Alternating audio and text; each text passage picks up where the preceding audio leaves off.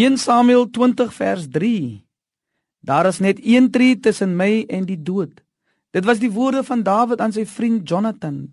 Laasgenoemde het gemeen dat Dawid nie hoef te vrees en dat die gevaar aan Saul se kant nie so groot is nie. Dawid sien die saak egter anders. Hy hy weet dat die koning sy lewe soek en bevestig het met 'n eed dat, dat daar is min maar net een tree tussen my en die dood. Daar is vandag veel meer wat die taal van Jonathan eerder glo volstrek nie jy sal nie sterwe nie. En dit is hulle wil geen gedagte aan die dood skenk nie maar onbesorgd voortlewe. Luisteraars, die bose maak veral ons jong mense wys dat hulle nie nou al sal sterwe nie.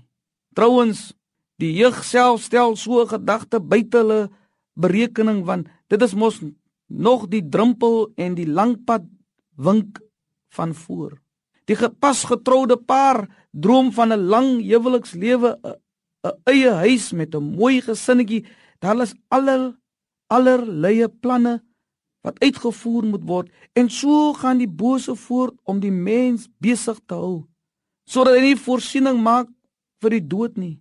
Selfs die ou oue van daai dink hulle nog eers die vrug van hulle lang arbeid moet geniet en vergeet dat daar maar een tree is tussen hulle en die dood. Dawid weet van die gevaar en die versoek van Jonathan om 'n voorspraak vir hom by die Vader te wees. Ons het nog 'n beter voorspraak dan Dawid. Luisteraars, niemand minder as die Here Jesus nie. Hy is nie alleen ons advokaat by die Vader nie maar het al ons sondes weggeneem sodat daar geen vrees vir die dood is nie. Daar is maar net een tree, net een tree tussen ons en die dood. Onthou ook net een stap om aan te neem as ons saligmaker. En as die dood kom, net een tree vir om vir altyd by hom te wees.